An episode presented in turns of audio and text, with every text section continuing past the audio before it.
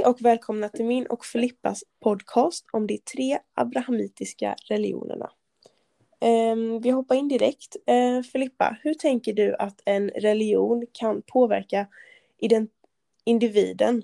Vad finns det för för och nackdelar med att känna en samhörighet till en religion?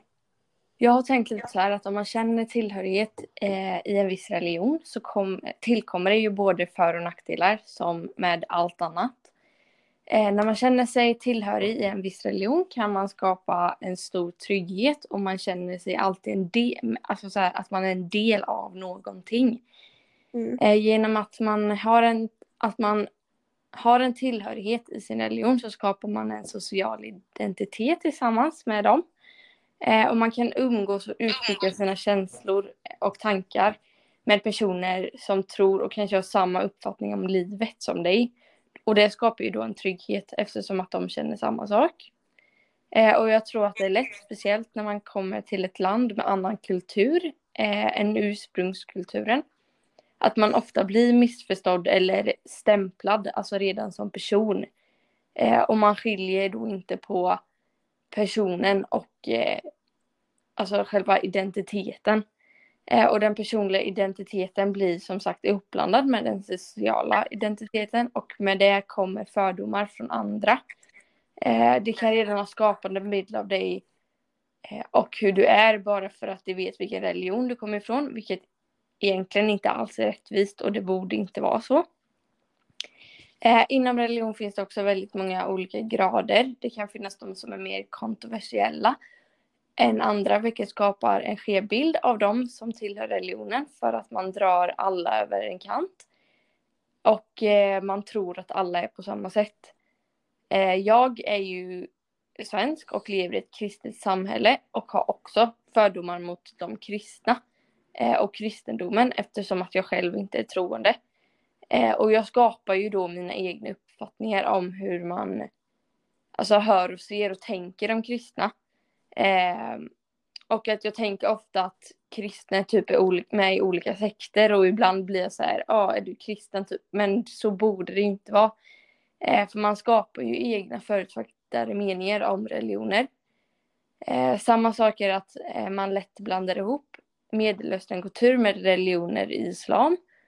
Hedermord och bortgiftermål av unga flickor är något jag tror många kopplar ihop med islam, vilket inte alls är rätt, utan dessa två traditioner är något som hör till deras kultur och inte religion. Så att man kan ju blanda ihop också kulturen och religionen och sånt, vilket också är jättedåligt egentligen.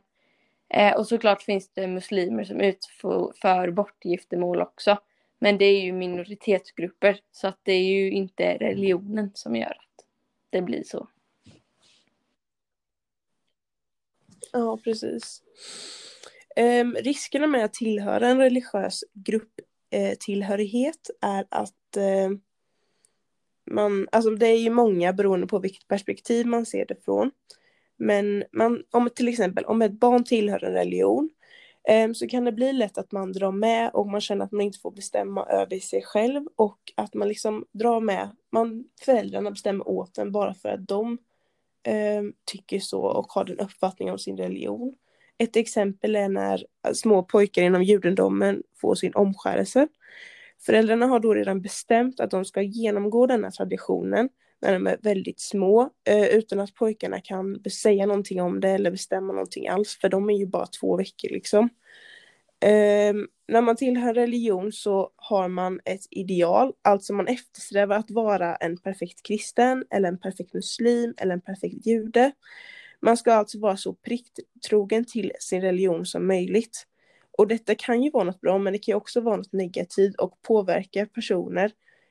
Um, för de kanske är liksom med i, i kyrkan men de känner att de inte vill utföra alla typ traditioner eller liknande. Men de har pressen att de måste vara som alla andra för att de känner ett ideal i religionen. Hur tänker du Filippa kring fördelarna ja, lite, med att tillhöra en grupp? Ja men lite som jag tog upp innan då. Religion. Fördelarna är ju då att man kan känna tillhörighet till en stor grupp. Eh, och man kan alltid känna att man har någon att vända sig till. Eh, till exempel om man vill prata med någon vuxen men kanske inte vill prata med någon vuxen i skolan eller sina föräldrar. Så finns det säkert alltid någon i kyrkan eller synagogan som man kan gå till och prata med. Eh, och till exempel om barn har det svårt i skolan, kanske de känner att de alltid kan träffas i synagogan, musiken eller kyrkan och trivas där för att de känner en samhörighet. Så att om de har problem i skolan så vet de att om de går till där de ber då, alltså kyrkan, moskén eller synagogan, så vet de att det alltid finns någon där som kan liksom krama om dem eller de, det finns kompisar där som man kan leka med. Eh, och även om man inte är fullt troende mm. på en religion så känner jag till exempel som lever i ett kristet samhälle samhörighet med folk på julafton. Eh, för att alla har ju samma uppfattning om julen egentligen. Men eh, jag känner en väldigt stor samhörighet eh, på julen eftersom man, man träffas för att det är en kristen högtid. Men jag själv är inte troende. Liksom. Mm. Mm. Och om vi ska upp, ta upp det här med regler och sånt så inom religion så har man ju ofta så ideal eller regler som man bör följa enligt de mm. liksom heliga skrifterna man går efter. Det finns alltså påbud och förbud som man får göra inom de olika religionerna. Eh, man kan till exempel förbjudas att göra saker i en familj som till exempel man får inte dricka. I de flesta religionerna får inte dricka sig berusad. Och då får man ett slags förbud och man ska heller inte eh, ha sex innan man har gift sig. För det är också ett slags förbud. Eh, och så finns det ju påbud om att man ska be och man ska följa Bibeln och man ska gå till kyrkan och muslimer de ber liksom vissa tider och åt ett visst håll och så. Ja, eh, så Linnea, hur tänker du fråga? kring de tre abrahamitiska religionerna och deras anpassning för det moderna samhället som vi har idag? Ja, vårt levnadssätt förändras ju kontinuerligt och vissa, för, vissa förhållanden till andra människor förändras. De tre abrahamitiska religionerna har, har ju tre olika skrifter, nämligen Koranen, Bibeln och Tora. Och alla dessa tre skrifter, de har ju översatts, de har skrivits om, de har tolkats av olika människor. Så det är egentligen ingen som kan säga vad som är rätt och fel, för det är ju inte Guds eh, direkta ord, utan det är ju bara något som har skrivits ner som har tolkats. Ehm, och originalskrifterna som skrevs från början, de behöver ju inte alls vara samma skrifter som det är idag. Ord har försvunnit, ord har tillkommit efter varje gång det har skrivits om eller översatts. Ehm, dagens samhälle är inte alls som det var för till exempel tusen år sedan. Förutsättningarna för människorna och förhållande till varandra har utvecklats och flera kombinationer av äktenskap har tillkommit idag. Till exempel så är homosexualitet, bisexualitet och polyamori eh, mycket vanligare idag. Eh, men om vi ska ta eh, homosexualitet och syfta på, som det talas väldigt mycket om idag, med det här med pride och att de ska få mer rättigheter och bli mer respekterade och sätta in homosexualitet i en religion. Ehm, alla inom religionen har såklart olika tolkningar om detta. Som sagt, mer är mer kontroversiella än andra. Men jag tycker ändå att religionen måste ha en helhetstolkning av det och förhålla sig till, den, till homosexualitet. Um, och hur de väljer att eh, anpassa sig efter vårt moderna västerländska samhälle. Eh, om vi ska prata då om islam och homosexualitet så har jag tagit ut en artikel här skriven om Mattias Bolin som heter Imam be om ursäkt men homosex är förbjudet. Den publicerades 19 oktober 2015 från SVT och eh, det är en intervju med en imam. Eh, Abu Muhad heter imamen och han säger att homosexuella handlingar inte är till, tillåtet inom islam. Han säger också att kvinna och en man kan gifta sig inom islam men samkönade äktenskap är inte tillåtet. Ehm, jag tror att det här handlar om att han behöver be om ursäkt för han har nämnt homosexualitet och virus i samma meningen som att det är ett virus man drabbas av. Så då ber han om ursäkt då. Men han förklarar ju starkt att samkönade äktenskap inte är tillåtet inom islam. Um, man kan ju tolka detta väldigt tydligt, men såklart så finns det muslimer som tycker annorlunda. Det finns ju muslimer som är homosexuell, homosexuella, men majoriteten tycker ju likadant som imamen sa. Um, judendomen då. Um, man tolkar ju som sagt alla homosexualitet på olika sätt. Direkt utdraget från Tora är den tredje Moseboken 20 kolon 13. Om en man ligger med en annan man som med en kvinna har de båda gjort något avskyvärt. De ska straffas med döden. Eh, skuld för deras död är deras egen. Eh, det här är ju väldigt grovt och man märker ju att det är skrivet för väldigt länge sedan för man, säger, alltså man pratar inte så idag på det sättet liksom.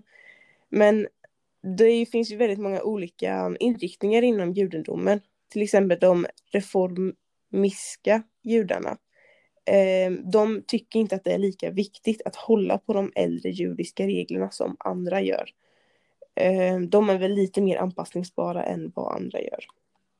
Eh, kristendomen, där är också väldigt olika. Svenska kyrkan säger att det är mer tillåtet än vad ortodoxa och katolska inriktningarna gör. Eh, för att eh, ja, Svenska kyrkan tycker att det är mer okej än vad andra gör. För att de tycker att det är okej att de gifter sig i kyrkan till exempel, vilket det inte är i katolska. Eh, och som sagt har ju minor majoriteten av de tre religionerna en negativ syn på homosexualitet. Men man märker att i mindre former så börjar det accepteras mer och mer, vilket är väldigt bra för eh Eh, de homosexuella och för vårt samhällets utveckling. Ehm, och det jag vill komma fram till med det jag nämnde i början är att, eh, att det här med att texterna inte är likt originalet är att dessa religioner tillkommer i vårt samhälle ehm, och då tolkar religionerna det efter ehm, liksom det som skrevs för jättelänge sedan. Um, jag tänkte ta ett direkt utdrag från Svenska kyrkan. Uh, Bibeln säger inte mycket om homosexualitet i den bemärkelse som homosexualitet förekommer i vårt samhälle idag. Ordet homosexualitet förekommer inte ens i Bibeln 2000 ordet homosexualitet fanns inte på biblisk eh, Och då undrar man ju då, finns det homosexuella, homosexuella par i Bibeln? Och man kan hitta bibelställen, alltså vissa ställen i Bibeln, som visar på hur hbtq-personer, men det är inte entydiga. Ändå kan vi hitta nycklar i dem, alltså i böckerna och i texterna, som handlar om att bemöta varandra med kärleksfullhet, omtanke och istället eh, för då att in, möta dem med fördömande. Eh, men detta tycker vi är väldigt fint och det framkommer väldigt fint hur eh, vissa väljer att se på homosexualitet. Och vi tycker att alla religioner borde ha denna syn och respektera eh, personer för deras homosexuella läggning. Det spelar ingen roll liksom om hur, alltså vem man mm. älskar för att man kan ju fortfarande vara en lika bra kristen eller muslim eller jude för det. Ja. Och som sagt, för att liksom sammanställa lite så man kan inte dra alla inom religionen över en kant, men alla majoriteter av religionerna har inte anpassat sig för homosexualitet eh, på samma sätt. Eller de borde göra det tycker jag, men de har inte kommit dit än. Men jag tror att det kommer med tiden inom de flesta religionerna för att man borde inte bli särbehandlad beroende på vem man älskar. Och speciellt inte i sin religion för att alla eh, texter är ju mycket så här som Filippa sa att så här, eh, man ska vara den man är, du blir älskad av Gud för den du är och då borde ju kristna till exempel se på varandra på det sättet Nej. också men det gör ju inte alla. Um, Okej okay då. Filippa, har du någon specifik fråga som du tänker tillhör både religion eh, jo, men Ett exempel politiken? som jag har tänkt på som är både då en politisk fråga och en religion, eh, religiös fråga är kvinnosynen. Och kvinnosynen är ju främst en politisk fråga som debatteras och diskuteras eh, från många olika håll. Allt från kvinnors löner till deras rättigheter när de är ute på stan. Och vissa religioner har ju en skev kvinnosyn och jag tror att många av eh, deras tycke om kvinnosynen grundar sig i det samhället som vi lever i idag. Till exempel så är det ju inte tillåtet för kvinnor att delta i gudstjänsten inom judendom. Vilket där ger oss ett intryck på att kvinnorna är mindre värda. Eh, ett utdrag från Bibeln, ett kor 14 kolon 32 streck 35. Liksom överallt i det heligas församling ska kvinnor tiga vid sammankomsterna. De har inte lov att tala utan ska underlåta sig, som också lagen säger. Om de vill ha reda på något ska de fråga sina män när de har kommit hem, för det passar sig inte för en kvinna att tala vid sammankomsten. Och här ser vi då ett tydligt perspektiv på eh, Bibeln, alltså på vilket perspektiv Bibeln ger kvinnan. Eh, vilket enligt mig är ett grovt förminskande intryck. Eh, det är egentligen inte konstigt att det är som eh, Alltså att det är så som det är mellan män och kvinnor eftersom att det svenska samhället har många grundspelare från Bibeln. Men eh, också på samma sätt som Bibeln säger emot sig själva eftersom att jag tolkar i alla fall kristendomen som att alla är lika mycket värda och att man ska vara den man är men ändå har Bibeln denna skeva bild på kvinnosynen. Ja. ja, alltså det är ju väldigt konstigt att de säger emot sig själva så mycket. Um, och det här är ju en, en fråga som är både religiös och politiskt för att i och med att det svenska samhället är uppbyggt av Bibeln mm. i vissa grunder som Filippa sa så jobbar de ju lite emot varandra liksom. Um, och det är ju väldigt viktigt med jämställdhet. Och um, ja, vi är mm. väl en bit på vägen men inte alls nära. Tack så mycket. Så att, um, ja, tack för våran podd.